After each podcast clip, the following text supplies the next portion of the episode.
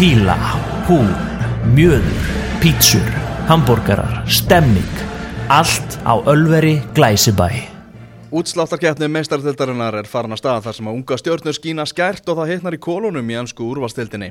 Innkastið er mætt þessa vikuna á miðvíkudags kvöldi. Elvar Geir Magnússon tala frá Krókás í Reykjavík. Daniel Kjell Moritz er á sínum stað í Vestmanneum. Þú har aldrei verið sprækari. Ég er ljómandi góður og ég segja svolítið.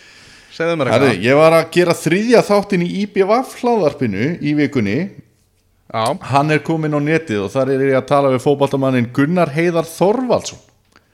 já, Við íttum á rekk og svo liðu 2,5 klukkutímar þángar til við íttum á stopp þegar hann var með fullt af sögum en ég með eina spurningu fyrir þig úr þessu spjalli til hvaða liðs í ennsku úrvaðstildinu fór hann á træjal? redding.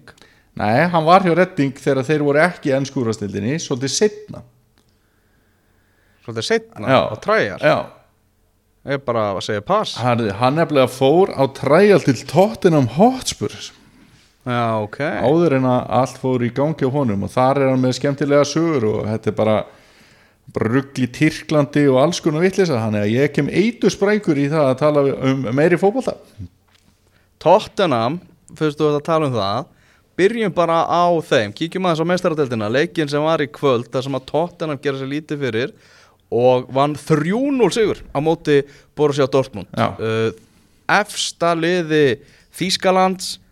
Þetta var ótrúlegt að fylgjast með þessu. Tottenham í basli í fyrirháleik Svo bara komaður gjösal og slátra anstæðingu sínum í, í setnaháleik þetta var bara fáralegu leikur í rauninni og leikur tvekja háleika eins og þú segir Dortmund miklu betra og hefðu átt að fá hérna, fleiri spjöld á anstæðingin, það var náttúrulega fáralegt aður hérna, til dæmis þetta með Muso Sissoko þegar hann sparkar Sancho niður. Og enn og aftur erum við bara að sjá þessar hröðu ungu gæja hjá Dortmund heilla þar að segja í þessum fyrri háleik og svo mætti bara allt annað tóttina liði í setni háleik og fyrir því fór Jan Fertongen spilaði þarna sem vinstri vangbakvörður og hann var reynlega geggjað, skorar og með þessa svakalu fyrirgjöð þvílík framista, hvað gefur honum á skalunum með til tíu? tíu, Já, það er bara þannig, á þessu sviði þá er þetta bara tíu. Já, klárt. Marks stóðsending, góður í vörð stundum í smá vandræði með að spila boltanum en ef það er eitthvað tímann hægt að segja að leikmaður bæti upp fyrir eitthvað þá gerði hann það í kvöld. Já, það er bara svolítið þannig mm uh, Nú er vantað náttúrulega Harry Kane, nú vantaði náttúrulega uh, hérna, uh, Del Ali Hversu mikilvægur er Son á svona stundum? Son er bara það, hann er potturinn á pannan í þessu liði Mm. og e, hann er bara ótrúlega mikilvægur skalanum, ég ætla að segja bara nýju Erum við enn með skalan? já, varstu ekki að spyrja á skalanum 1-10? Jú, jú, tökum Ná, ég veit það ekki, ég hugsaði allavega bara þannig. Já, þú varst með Hann skala með fært tóngin Við tökum bara allt í skalanum í kvöld Við erum í þannig stuði. En, en náttúrulega í bara fjárveru þessara manna þá er bara svona að, að bera þetta lið svolítið á, á herðunum. Já og þeir geta, það er bara svo ótrúlega mikil ógn að geta sko, þeir, þeir eru með miklu fleiri í vörn heldur en þeir hafa oft verið með og það skiptir bara engu máli að því að hlutinni get, geta síðan gerst svo hratt. Og þá sérstaklega fyrir tilstilli hans. Veist, hann hleypur og vartindar riðlast og hann er náttúrulega frábær að fá boltan líka og, og, og klára færi sín vel og hann er bara Já, hann er heitasti leikmaðurinn í ennskúrastildinni í dag ef við tökum 2-3 í Master City fyrir utan söga ah. Það er bara þannig. Já, já, það er bara klárt. Þarna Hugo Loris, hann er búin að fá talsverða gaggrinni frá stuðnismennum Tottenham. Ég sá að, að já, var eitthvað smá umræð á Twitter hérna í vikunni. Bara getur Tottenham fengið betri markur heldur en Hugo Loris, er það ekki svolítið ósangjarnir við þennan markmann, sérstaklega við horfum nú bara á Jú, ég myndi segja að þetta væri frekar ósangjart sko Já, og Lloris geggjaðan hefur náttúrulega um oft sínt okkur hver sannum megnuður og hann var náttúrulega uh, góður á heimsmeistaramótinu í sumar og hann er í raun og veru bara Já, hann er náttúrulega ekkit rosalega stöður, það koma náttúrulega leikir þar sem að hann er að sína einhver svona heimskupur og þess vegna er raun og veru þessi gaggrin í gangi á hann. En hann var náttúrulega frábær í leiknum í kvöld og hann frábær í um helgina sem hann varði víti frá Jamie Wardy þannig að þetta er bara alvöru markmaður Já, það er bara þannig Þetta er náttúrulega bara mögnuð framesta hjá, hjá tóttunum eins og ég, ég var búin að afskrifa það og í reyðilega keppninu bara Já. og þeir eru að fara núna í áttaliða úslit keppninar í fyrsta sen síðan 2011 þegar Harry Redknapp, Harry Houdini var við stjórnvöli Já, þá vorum við með Gareth Bale og núna er Gareth Bale tóttina manna frá Suður Kóri sem er mjög skemmtilegt sko. Og þeir eru að deli Alli og Harry Kane inni og þeir eru voru í raun og voru með svona reddingar í bakvörðunum. Þannig að þetta er bara er mjög bjart framöndan hjá tóttina í þessari keppni og menna, fyrst að ég geta tekið Borussia Dortmund efsta lið Þískalands og, og pakka þeim saman á heimavelli. Ég menna af hverju geta þeir þá ekki bara farið í undanúslit og jafnvel lengra? Pochettino að gera frábæra hluti kreista ótrúlega mikið út úr þeim mannskap sem hann hefur og, og færi náttúrulega ekkert að kaupa eins og frættir Nei, nei, nákvæmlega. En ég get sagt þið að Ég er hérna bí í Vestmannu og ég er að spá ég að fara bara hérna í göngutúr og aðtöku hvort ég sjá ekki bara gerfugl byrtast einhvers staðar sko.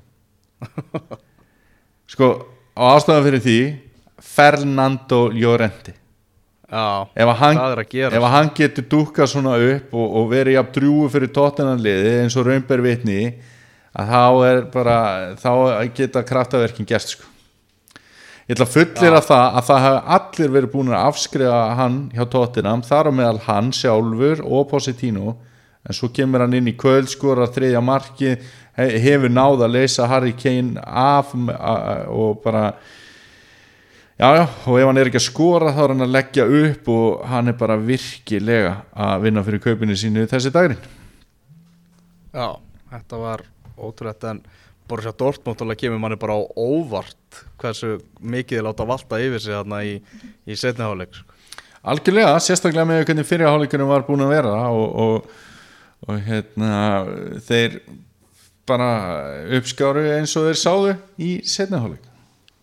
Já, búin að fara með heimuskötum á tímabilinu en þarna lendu þeir á, á vegg og þeir ná ekki að þeir ná ekki að, að jafna sig eftir það í, í, í setni viðrögninni Nei, ég, sko þetta er náttúrulega besta íþrótt í heimi þannig að þessu einvíi er ekki endilega lokið en Jú, jú. þetta verður mikil brekka fyrir Dortmund þó að þeir fara og, og verður með gula veggin sér innan handar en við höfum nú séð hérna, meiri sveiflu heldur en þessa. En þá var nú kannski ekki sömu gæði og, eða eru ekki sömu gæði í þessu Dortmund liði og voru þá. Þá er ég að tala um Barcelona PSG sem var náttúrulega ótrúlegt dæmi sko.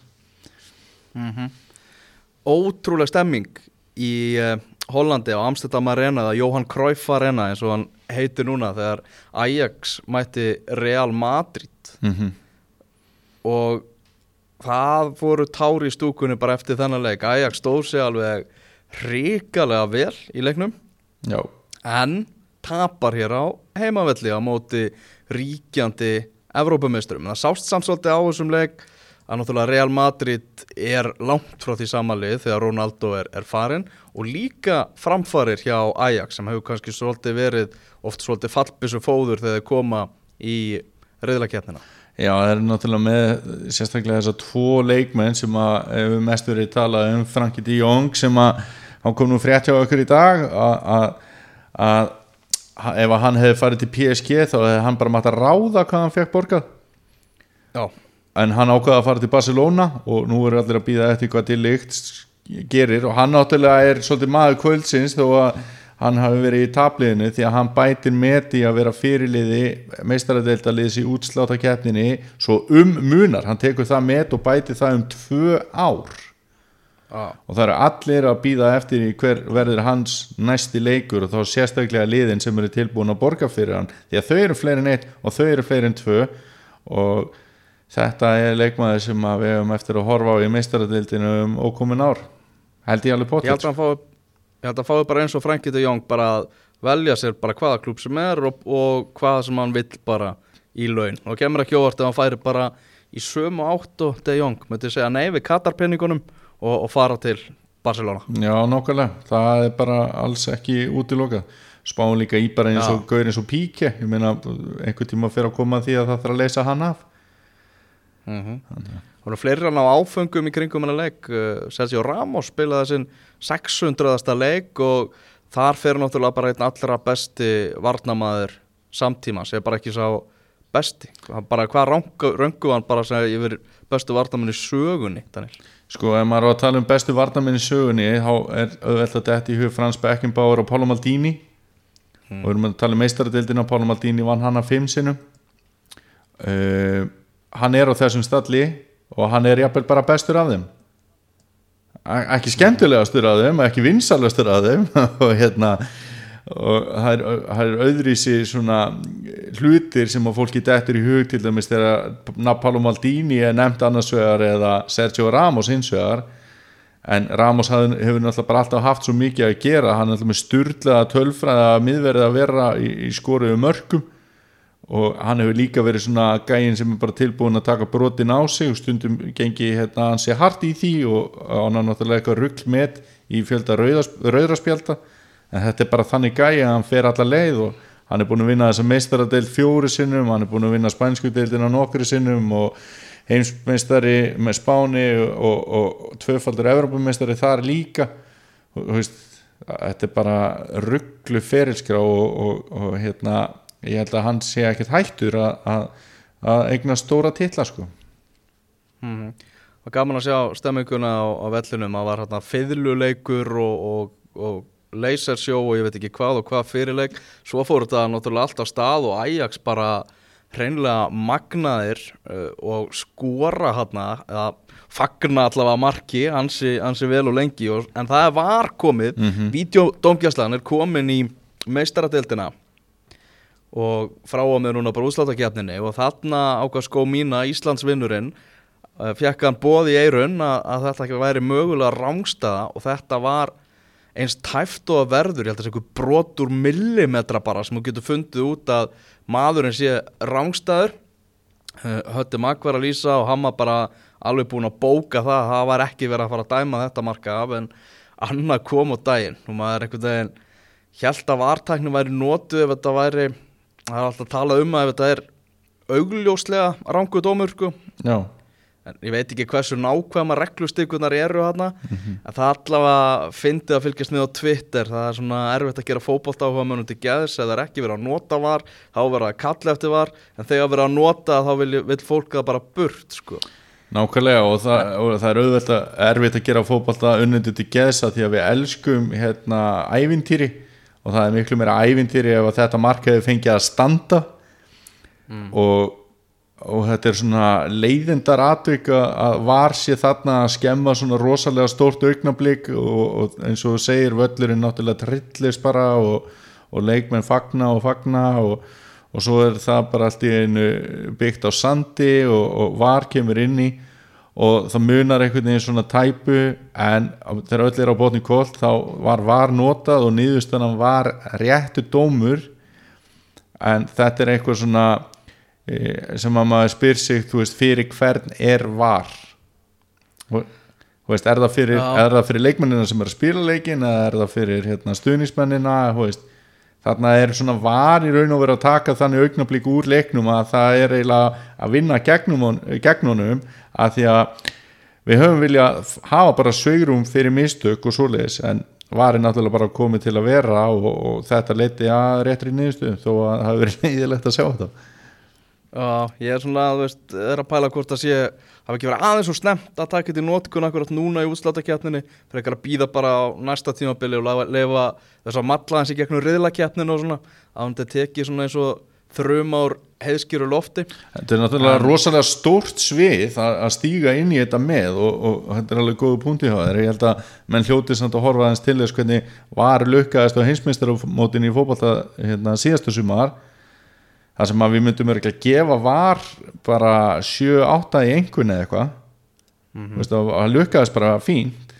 ekki, full, ah. ekki fullkomið en það er í raun og veru jafnvel bætti heimsmeistramótið ah. Þetta eru þrýr megin þættir það eru svona átök í tegnum spurningum vítið ekki uh, þetta er rauðspjöld og, og mörg sem að eru skoðuð með vartækninni það er ekki aukaspjöldum fyrir utan teig eða, eða ákverðinum gulspjöld eða neitt annað það er ennþá í algjörlega í höndum dómarans án þess að að nýta sér víta, eða videotæknina en þá líka verður dómaran að skila almennlu starfi og það vantaði talsvert upp á það í þessari viku í fleiri en einu og fleiri en tveimur tilfellum þar. Mm algjörlega samanlega því.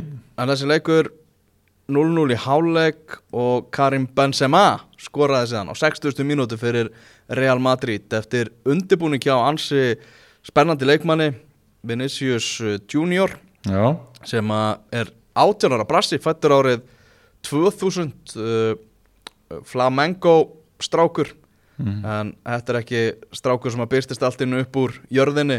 Uh, Real Madrid borgaði alveg hellingspening fyrir hann þegar við fengið hann frá Flamengo, minnum mig. Held að það hefur ykkur 60 miljónir evra og þurfti að býða eftir því að hann yrði 18 ára til þess að mætti kaupan milli heimsálfa eða eitthvað, fara eftir einhverjum reglum þar. Já, en það, þau eru búin að tala um það matreitingar, að það kemur þeim á óvart bara hvað hann er fljótur að aðlagast og, og, og fljótur að að finna sig. Og það er kannski einhverju sem binda vonu við það, þarna komi kannski nýr Cristiano Ronaldo. Mm eða eitthvað þannig, það er ansið mikil pressa á, á, á átjánara strák. En svo já, kemur þetta svo ekki helsi á 87. mínútu þegar Marco Asensio skorar og tryggir Real Madrid þarna sigur þetta einvi, þetta er bara búið ég menna tvö útivallamörk frá Real Madrid og er á leiðinni, leiðinni heim er þetta ekki bara búið? Jú, því miður þá Flautum þetta af? Já,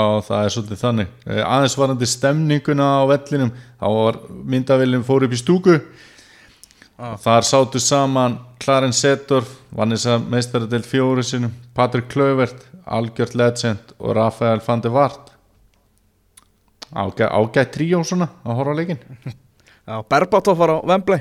Já, það það var líka að koma því að.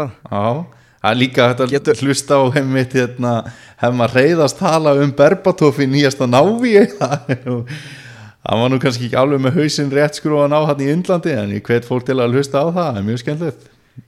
Já, Berbatov var nú líka aðeins að ráðast á þjálfarateimið þarna í viðtölum og svona. Já, já, nákvæmlega.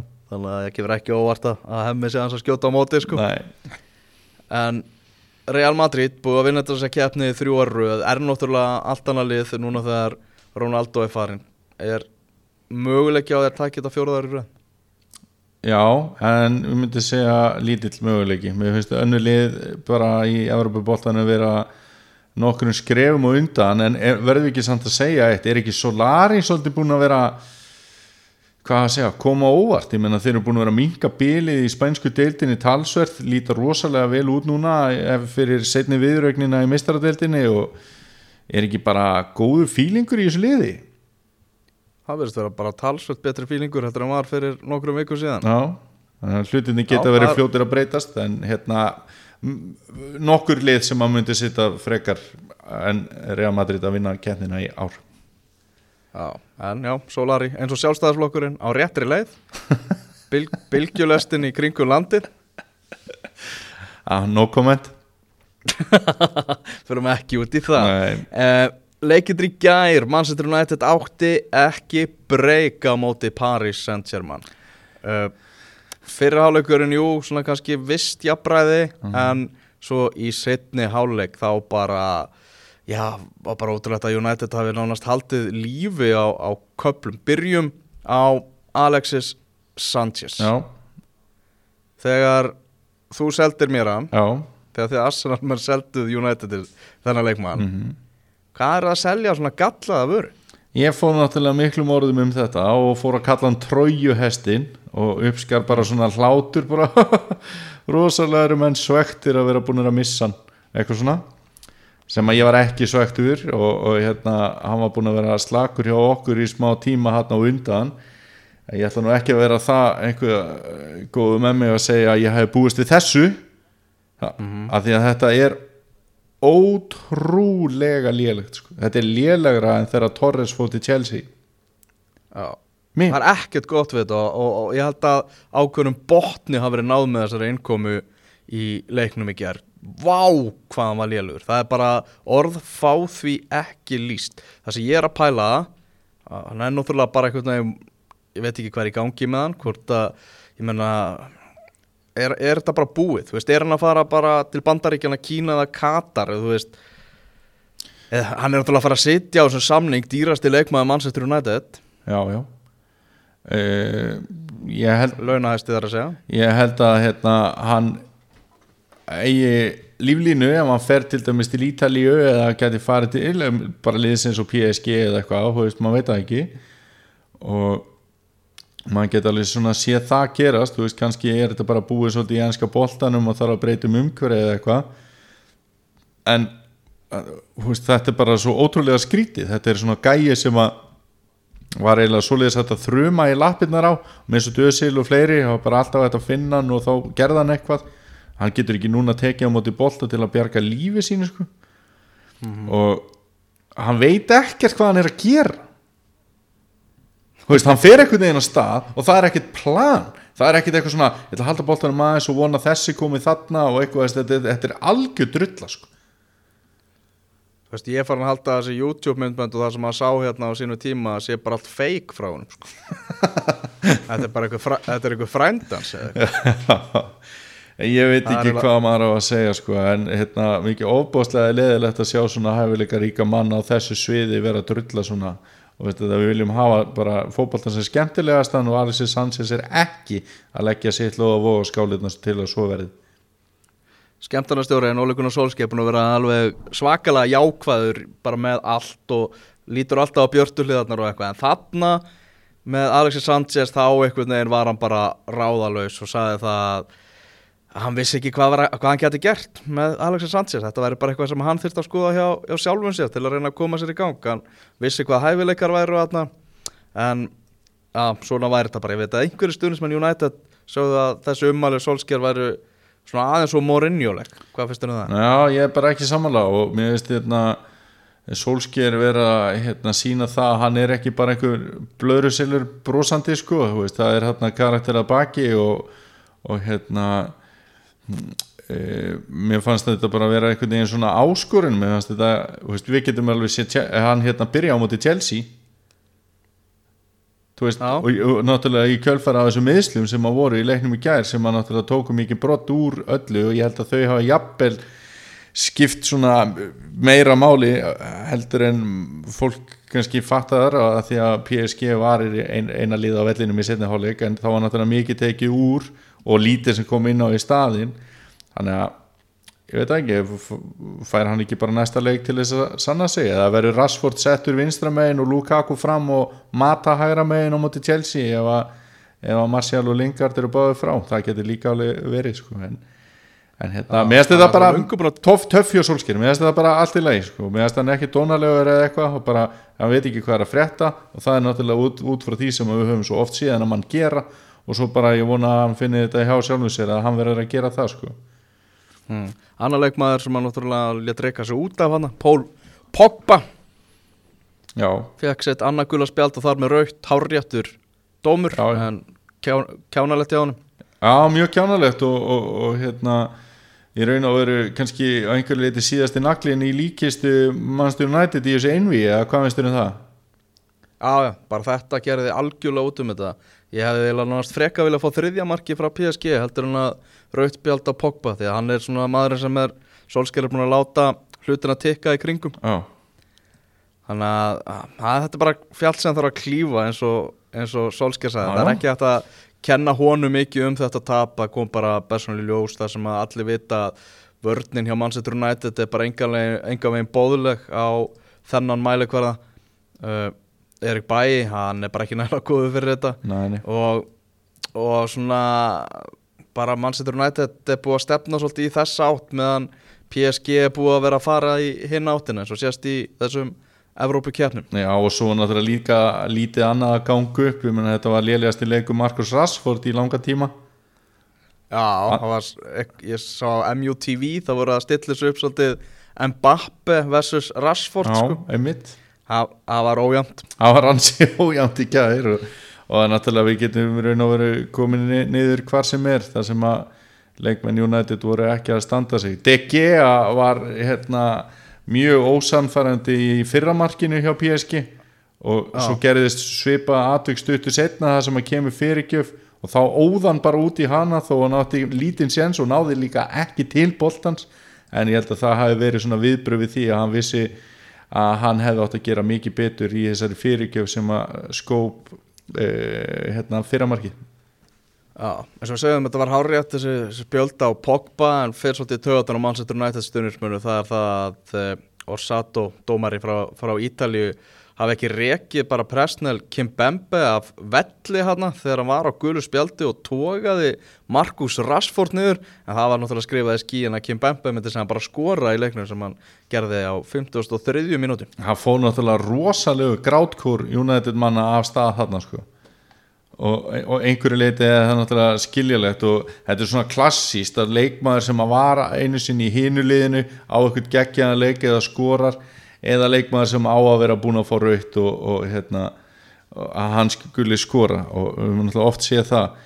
En já, já, ég skilu þetta já, náttúrulega, já, já, það var annað dæmi við komum kannski að því og eftir en hérna, auðvitað skilum maður hérna, pyrring stuðnismanna United því að ef að þeir hefðu átt að eiga breyki PSG í þessu einvíi að þá hefði allt þurft að ganga upp veist, þá munar svo mikið, mikið um þetta atvik að hann fá að spila áfram og sérstaklega náttúrulega út eða hann skorað en svo fara menn líka að ganga þá svolítið langt bara tala um að þá hefði verið svo mikið ruggla að reka Pogba út af af því að hann rak hinn ekki út af. Þú veist- En við tölum um það alltaf að við bætum ekki upp mistök með því að gera önnum nákvæmlega. Herri, bjóttum mér upp en á Di Maria- einmitt, Bjóttum mér upp á hann. Hvað segirðu með henn að gæja?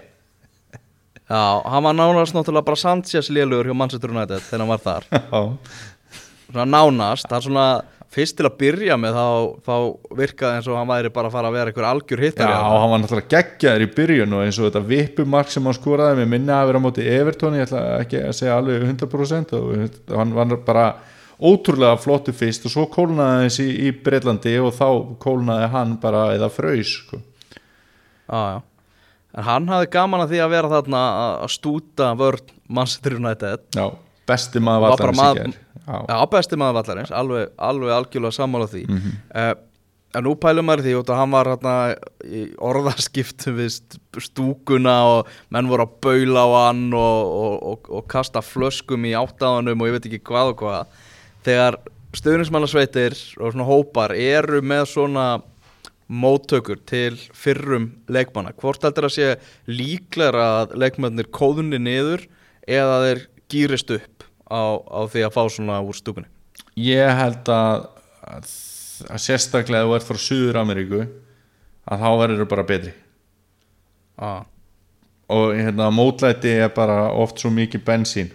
Hvort sem að þetta eru fyrrum leikmenn eða ekki það er alltaf rosalega gott dæmi sem að Liverpool stuðnismenn muna kannski eftir það var þegar Benítez alltaf í eitthvað sálfræðist yfir Didi að droppa í undanúslitum í mestaradeildinni 2008 og talaði um að droppa væri bara leikari og jari, jari, jari. Og hann nefndi ekki að svara þessu öðru sem að segja að hann ætlaði að svara þessu á vellinum og skoraði tvö mörg og skoði Chelsea í úslitaleikin mm. mér minnið að þetta hafi verið svona að veist, þetta ár það var allavega í hérna að hafi verið þarna 2008 en þetta var allavega einhver rimma þeirra á milli sem að droppa hlóað sko.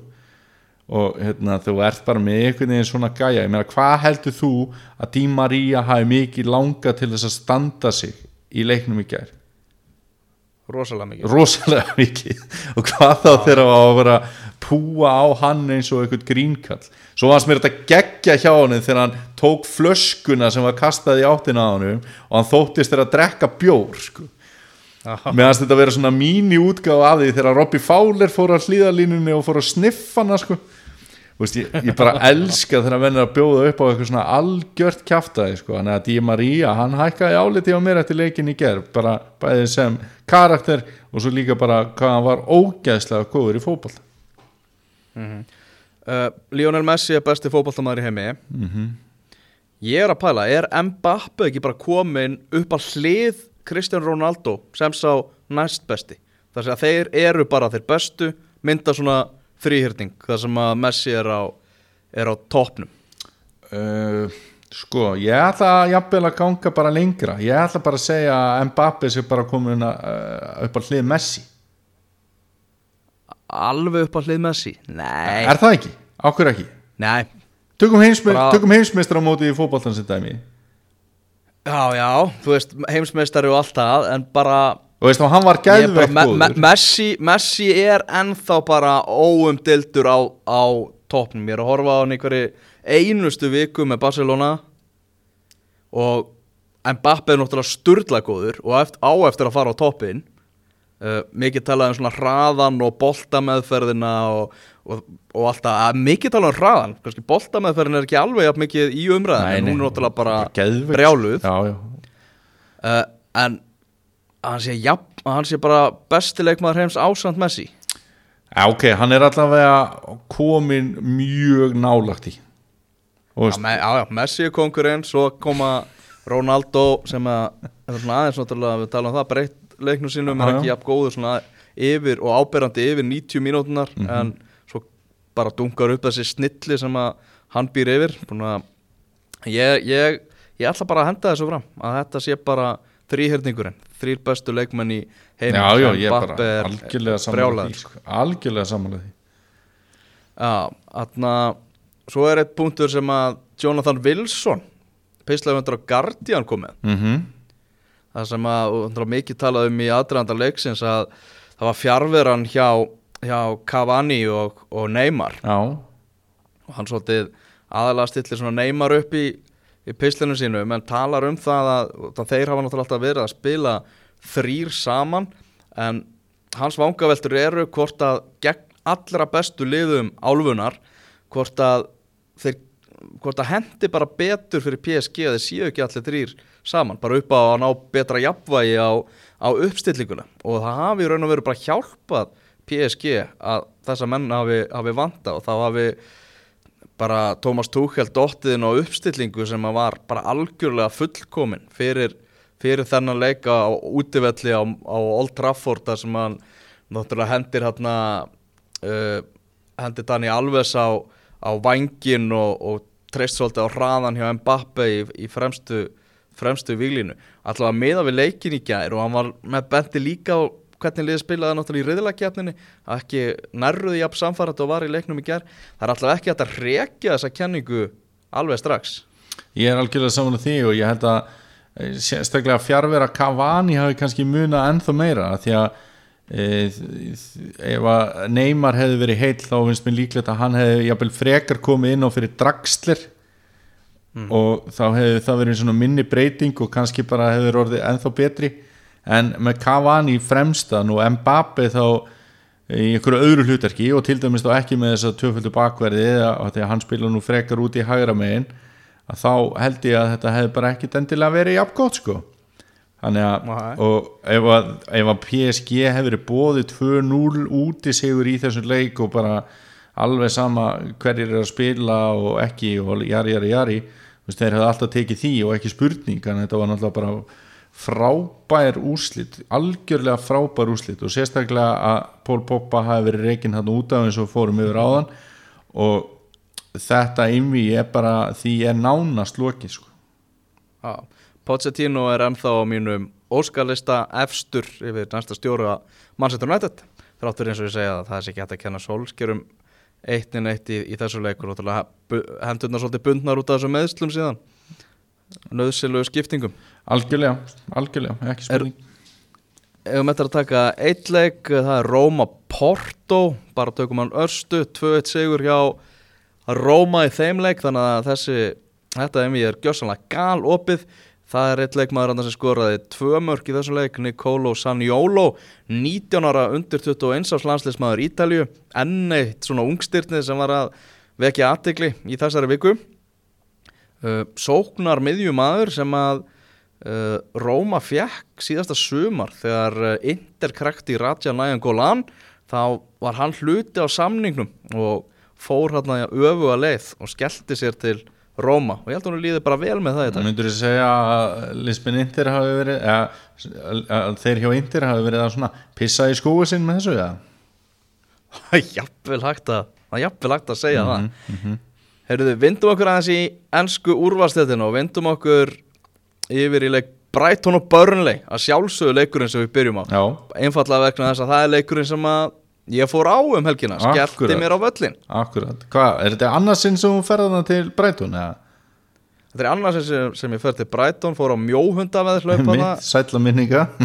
Sætla minningar og, og, og þarna fór ég og, og tók fótballaleik og náði aðeins að, að, að skoða borgina, skemmtileg borg, sumarlega við staður breyta og, og fullt af skemmtilegum börum og, og mikið stuð þarna.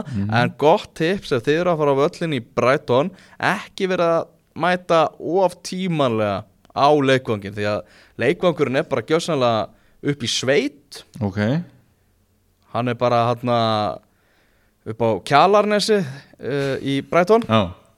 Það eru bara einhver tún í kring og, og, og það er ekki mikil stemming nema rétt fyrir leik. Þeir eru meira að hita upp bara í borginni, það eru góða lestasamgöngur á milli þannig að menn skjótast þannig yfir. Og þetta er eitthvað sem hefði nú verið sniðut fyrir, fyrir mig að kynna mér fyrir uh, mætingun á hana leik. En ég allavega náðu á endanum að finna uh, svona eitthvað háskólabar þegar háskóli hérna við. Og ég satt hérna og einhver krakkar að læra allt í kringum mig meðan ég var að, að fá mig bjór og, og hita upp fyrir, fyrir leikin Já, ok. Uh, þessi leikur annars mikil vonbriði að Jóhann Berg Guðmundsson var ekki með. Mm það var bara, ég var í röðinu hérna í sjoppunni, ég var reyndar að segja, segja það því miður Daniel, Já. ég var að val, valdaði vonbriðum, ég kefti mér ekki böku. Ha? ég var bara einhvern veginn það svangur mér langaði ekki böku að ég bara kefti mér hambúrgar, mér list betur á hann sá að einhver var að borða hann hann í kring. Ég bara sveik þetta sko. Elvar, þú skoraðir á mig þegar ég fór hérna á selhaust og ég brendi mig á einhverju skýta böku og svo ert þú að svíkja mig bara með þetta. Ég er bara sorry kallið minn sko. Þarna, Já, þeir, þú ert rosalega sorry, þú ert alveg bara eiðilega þessi ég sá alltaf hvað þið baka lit út og var svona stór og voldu hjá krökkunum í bræðum, Ja, það síndist bara að vera ein, ein tegund sem var hægt að fá sér. Uh, það var kannski merkilegt líka að meðalaldurinn á vellinu var heldur hár. Ég hef aldrei farið að leikja í ansku úrvarsleitinni þar sem ég haf mikið að eldra fólki Ok. samankomin Ok, og, og svo var bara, þú veist, það var ekkert það var ekkert brjáluð stemminga á vellinum, það var aðalega sem heyrðist nánast í stuðnismennu Burnley, en það gekk nú aðeins betur hjá þeim, Burnley er núna með sjöleiki án ósegus bara Manchester United með betra rekord með, með nýju uh, með að Brighton er aðeins svona að, nálgast fallsvæðið og fyrir leikin þá heyrði maður svona áhugavert að Southampton tapaði fyrir Cardiff þarna með flautumarki. Mhm. Og það kom svona smá dæs í mannskapin, það var svona meiri trú á því að að þeir séu að fara að berjast um falli við en Southampton. Já, uh, uh, já, en við erum búin að við getum hent fúlam og höttersvilt bara niður mhm. Eitt hérna Þurfum ekkert að- eitt hérna með Burnley. Þú veist, að náttúrulega það er búið að ganga svona vel hjá þeim undarförnu Er Tom Heaton mikilvægasti leikmaður ennsku úrvastildarinnar? það er allavega búið að breytast gjörbreytast gengið þeirra eftir að Tom Heaton fór í markið og hann var algjörlega frábær í þessu leik, tók, alla, tók tvær alveg magnaðar vöslur Já, eins og frá Sjóli Marsatna í upphafi leik sko, hann, hann var bara, það er ótrúlegt að það hafi ekki verið mark sko. Já, já, Þannig að svona. þá er ég náttúrulega sjálfsög að meina eins og þú fattaðir, en bara útskýra að mikilvægastu fyrir sitt lið. Já, nákvæmlega. Skiptir mest sköpum. Já, og auðmingja Joe Hart maður. Já, hann er náttúrulega bara lélegasti markmaður þessa tímabils. Þetta, er, þetta lítur alveg, alveg ríkalega illa út sko. Já, hann lítur fara bara að hætta kallinn sko búin að gera sig aðlægi yeah. ykkur svona slökuliði á Ítalíu og, og veist, var náttúrulega er náttúrulega ákveði legend sko út af því sem hann gerði á Manchester City á sínu tíma en núna er þetta bara, þetta er bara vandraðar sko. já Það sem að breytin gerir svo vel sem eftir leiki, þú veist, 30.000 manns á vellinum mm. Þú veist, maður var komin bara í burtu bara leðum maður smelti fingrum sko. Já, veist, það var bara rosalegt skipulag hér og hérna er lestin og það var þetta ekki að borgi hana, það var bara opnuð öll hlið til að vera ekkert að tefja hlutina svo kom bara lestin, allir um borð og svo bara, já, þetta var þetta tók fljótt af. Ok. Þú veist, það tekur miklu lengri tíma að komast úr víkinni sko, þegar maður er á Já, víkingsleikin það er náttúrulega ferlega sko. gjörsamlega völlur, umöðlegt aðgengi sko. Já, það er algjörlega þannig. Annað sem var að gerast um helgina Já, það var þokkalega stór leikur í Manchester. Heyrðu, það var einhver ágætisleikur þar Manchester City Chelsea. Þetta fór alveg eins og ég spáði. Nei Þú einmitt varst svona ekki viss hvernig þessi leikur myndi fara. Og, hér, Nei, og, og hérna ég- gaman bara að þú hafi sjálfur svona frumkvæði að minnast að það hérna í þættinu. Ég er alltaf búin að skjóta það á Twitter og svona. En hérna Þú varst náttúrulega alveg örugur um Sigur Manchester City Ég var meira á því bara sko, maður veit ekki hvort Chelsea verður ömurlegir eða frábæri Það er bara Nei. jöklið að eira einhvern veginn á Chelsea og þeir voru gjössamlega ömurlegir. Það ömurlegir að það var klukkutíma krísufundur á mánudaginn og æfingarsvæðinu hjá, hjá Chelsea. Já, það voru líka bara allir umulegir Já. og hérna stjórin og bara og, veist, þetta var allt lélugt og Manchester City spilaði bara sín, sinn pressubolta letu Bernardo hlaupa fyrir allan peningin Aguero náttúrulega geggjaður. Ross Barkley, hvað finnst þið betri átta hjá Chelsea, Ross Barkley eða Frank Lampard? Veist, þetta er náttúrulega bara ótrúlega móðgum bara við sögu félagsins að hann sé þarna nummer átta, því líkur hörmungar leikmaður. Og náttúrulega gaf sitt í þarna eitt mark með einhverjum lúser skalla þarna aftur og bara shit hvað þetta fyrir töðunar og mikið að David Lewis þarna fekk flashback frá sjöetapinu hann á var bara Þýskalands Lewis og aftur eh, er bara sjáu hvorki tangni tétur að Gary Cahill eða Anders Christensen sem eru nú allsengir jólasveinar í miðvarastöðinni. Þeir bara Ég vil líka, ég vil líka hrósa Ræm Störling bara, og líka bara magna þegar ég bara, hann er alltaf að koma meira og meira óvart hvað, hvað Guardiola er búin að gera frábæra hluti með hann. Já og hann var náttúrulega orðin mjög góðu leikmaður hjá Liverpool og það verður bara betri og betri núna. Og, og hérna marki sem að Virka, virka eins og leikmaður sem maður hjælt alltaf að færi sig hann út af sporinu. Já, nákvæmlega, það er mjög góð pæling sko. Já, en það er bara búið að passa vel upp á strákinu og það hann var alveg orðin svona góður en, en, og veist, ég er ekki að grínast hann var alveg orðin góður en maður hugsaði samt um alla leikina sem að Theo Volkott var samt að sína meira. Eða fattar þau hvað ég við? Já. þegar að Já, Theo Volkott síndi sína góðu leiki. Núna er bara ekki hægt að byrja þessa leiki menn saman sko. En Sarri er ennþá með vinnu. Það kemur mér mjög óvart og hva, hva, hérna, veist, þetta er ógeðslega skrítið.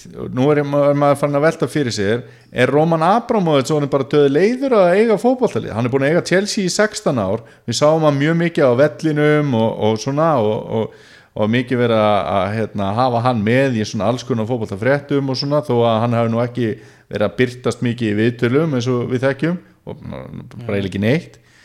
Og 16 ár, allt hefur sinn tíma erum við að fara að sjá hann kannski bara að losa sig við félagið, mér finnst það reyndar ekkit endilega líklegt en þetta er orðið þannig að stjóri Chelsea talar um það hvað þessi langt síðan hann hefur heyrt í Roman Abramovits Það er bara ekki maður í fótbolta heiminum sem er erfiðara að lesa í heldur en Roman Abramovits. Það getur vel verið að hann hafi bara aldrei verið jafn spenntur fyrir að eiga Chelsea og akkurát núna sko. Já, það er samt eitthvað voða lítið sem bendir til þess en ja, Já, samt sko það er- hann, hann fer núna inn í janúar klukka og er tilbúin að kaupa leikmann og skriljóni sko Já, já. þannig að já, þetta er mjög sérstæðat En þú veist, ef, að, ef hann verður reki, hvert, hvert er það að leita? Sinni þín síðan Ég er Lampard bara. Já, Bara taka hérna, bara Manchester United liðin og taka, taka Lampard og jafnvel draga bara Terry með. Þeim en Aston Villa er ekkert að fara upp úr þessar Championship deild, sko. en hvað með hérna vina áhrifin Vinn áhrif, veist, það eru alveg leikmenn hjá Chelsea sem að spiluðu með Lampard. Já, það nöfn- sé jafnvel að, Já, ég, Lampard er skinsamur og ég held að hann vitið alveg sjálfur að hann er í fínu málum hana hjá, hjá Darby að, móta sig sem stjóri, sko. en svo, svo, svo komum við að því ok, já, ég sammála því og, og, og Lampard hefur náttúrulega alltaf virkað á mann sem svona skynsemi skauður uh, en verður ekki að taka sensin jú. hvað býðst Frank Lampard oft á lífsleðinni að stýra félaginu sem hann elskar þú segir ekki nei við Chelsea að það verður leita til þín sko. það er ekki hægt sko. En það eru ennski fjölmur að veltaði fyrir sér hvort að Sarri fái tækifæri til að skila meistarateldarsæti að það sé svona krafan á hann. En svo fannst mér gott sem einhver blaðamaður saði að þarna þetta er ekki Sarri ból sem að Chelsea er að spila þetta er eitthvað svona ódýr eftirlíking á honum því að hann er ekki með leikmennuna í að spila hann. Nei. og þetta er það eru, fró, fróðlega viku framundan hjá, hjá Chelsea fr, Manchester City geggjaðir hvað segir þessi sigur hjá þeim? 6-0 á meðan Liverpool vinnu Borm og 3-0 uh, var eitthvað sem við getum lært um topp baráttuna frá síðustu helgi? E, já, við getum eiginlega dreigið það áleiktun að núna er Manchester City líklegri en þeir hafa nokkuð tíma verið á tímabilinu. Veist, standið á þeim er þannig ah, sér það í þessum leik þá bara þá kvíla Leroy Sané og, og David Silva. Þú veist og þeir vinna Chelsea 6-0 mm uh, ég ætla samt að koma með smá pælingu. Ef að Liverpool vinnur Manchester United og Old Trafford 22. februar nei 24. februar fyrir ekki?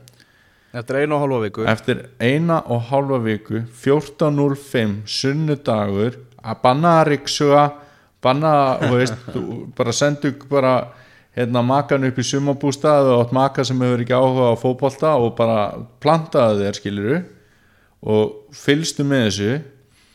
Þetta er náttúrulega fyrir margar hluta sakir stór leikur og ekki síður fyrir United sem er í blóður í baráttu um þetta fjóraðasæti ef Liverpool vinnur hana leik þá held ég að koma með þeim það mikið svona momentum eða augnablik eða stemning að þeir verði ennskur meistari.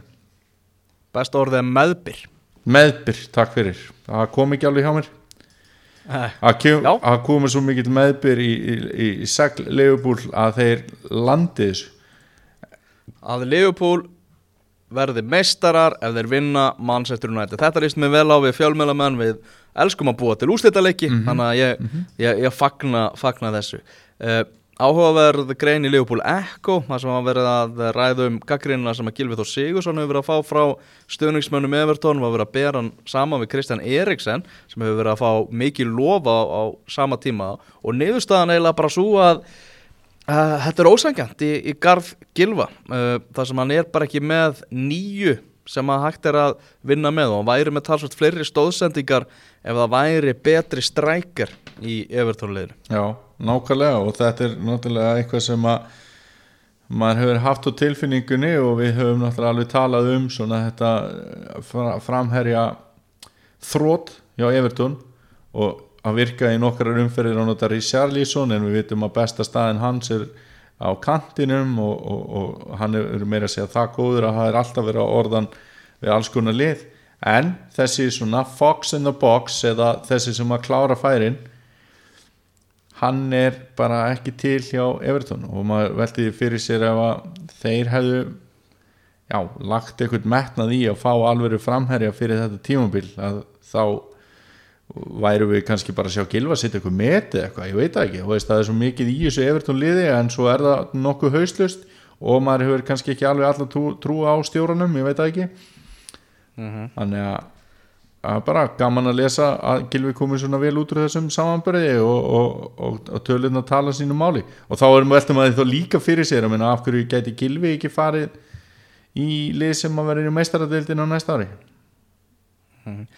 Næstu landsleikir hjá Íslandi það við erum að fara að hefja leiki í undakeppni EM allstaðar og þar eigum við Andorra 20. og annan mars og svo í sömu ferð þá keppum við einni útileika móti frökkum og það er búið að leiðilegt í síðustu landsleisverkefnu hvað var þar búið svo mikið meðslavandræði og nú er náttúrulega að horfa upp á það Emil Hallfreðsson, hann er náttúrulega meittur Alfred Fimboðsson það er ljóst að hann verður ekki með í næstu vikurnar sem er hriðikalegt áfall fyrir Augsburg sem er það rétt fyrir ofan fallsvæðið og fara að tala um þegar um það, hann sé bara í kapplöpu við tíman um að vera klár fyrir landsleikina. Þetta er, þetta er ekki fréttina sem að nefnda að heyra í hvað liði væri Alfred Fimboðsson ef hann væri ekki svona óheppi með meðisl það er góð spurning sko. Viljum Þór Viljumsson mm fór til Bate Borisov til, til að kanna aðstæður. Já, ekki búin að skrifa undir. Efnilegasti leikmaður Pepsi-deildarinnar sem að mun heita Pepsi Max-deildin á næsta tímabili, það verður ofinberað á morgun. Það er aðeins verið að hræra upp í því að þetta er skemmtilegt svona, ég er ánægð með hvað Íslandingar eru farið að fara svona nýjar slóðir þegar þeir eru að, semja við liði núna svona í auknum mælu og þetta er þetta batilið náttúrulega með áskrift að Evrópusæti og, og ég ekki trúa því að sé nú fínustu aðstæður hérna hjá honum þannig að þetta er, þetta er alveg stórt múf ef að þessu verður. Já, já, þeir eru náttúrulega að spila á móti mínum mönnum í Arsenal á 50 daginn og, og hérna þetta er lið sem maður getur bóðið upp á alls konar skemmtilega leiki og, og bara náttúrulega frábært. Þannig að vonandi bara gengur þetta upp ef þetta er það sem að hún er líst vel á. Mm Herru, top 6 listi Daniel, Já, bestu knaspindustjóra sem hafa ekki unnið meistaratelt Evrópu. Á 442 setti saman hennar lista. Það eru menn sem hafa tekið þátt í meistaratelt Evrópu sem eru hérna uh, samkefnishæfir í, í, li- á listanum. Já, það er, það er að segja Jókim Löf er ekki löglögur mæ uh, sjötta seti er Allegri. Mhm. Hjá Juventus. Uh, Bobby Robson Porto og Newcastle er í fymta seti Jörgen Klopp er í fjórða seti í þriðja seti þar er Valeri Lobanovski sem að var með Dynamo Kiev Algjört legend maður.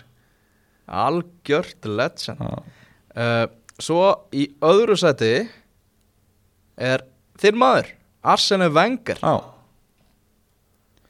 Það þetta er kemur- kalleikunni sem, að- sem að hann hefur aldrei, aldrei unnið. Nei, kemur mann ekki óvart að sjá hann svona ofarlega á þessu listan Já, hefði ég að ekki að tekið að fyrsta. Já. En sá sem tekur fyrsta sætið er Diego Simeone sem að Mhm. Hefur tvisvar verið alveg hásbreytt frá því að vinna úslitaleg meistaradeildarinnar með Atletico Madrid. Og það er náttúrulega verið að horfa svolítið til þess og svo náttúrulega hefur hann bara gert frábæra hluti með þetta lið uh, og náttúrulega magnaður titillin hans í La Liga 2014 þegar hann skákaði þarna Galacticos liðum Real Madrid og Barcelona og, og var spánamestari sko. Já, veistu það Ég er bara að daldi sammála þessu. Já, uh, Sko uh, Ef við tökum hérna bara í ljósi sögunar með veru yllegadóttur bara með Arsenal-liði frá 2001 til 2006 gæðin og, og bara árangurinn í heimalandinu og allt þetta þá er í raun og veru ákveðin skandall að Arsenal hafi ekki unnið mestaradildina skandal Já, svona þannig laga sko, allavega hafi ekki verið nærði eiga eitt já, úrslitaleik og uh, komast reyndar yfir í honum en töpuðu síðan. Uh, þá er Simone oftar búin að eiga einhverja svona toppa í sínum meistaradildar ferli eins og, eins og svona komst inn á í, í, í, í spjallinu áðan að hérna hvernig það hefur verið eins og með vítaspunni keppnina og, og, og, og það og þegar Ram, Já. Ramos skoraði og, og svona, þú veist, þannig að hérna Já. já, Ramos klíndi hérna í, flautumarki og komið sér framleggingu já,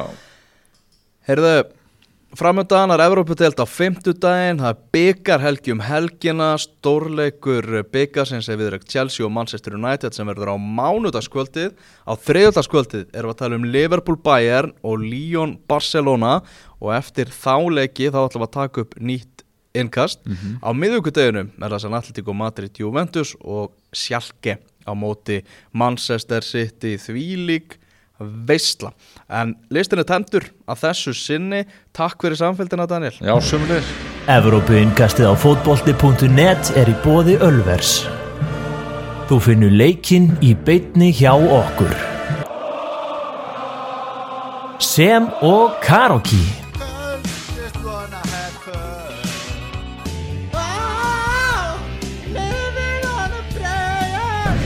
Píla, hú, mjöður, pítsur, hambúrgarar, stemming.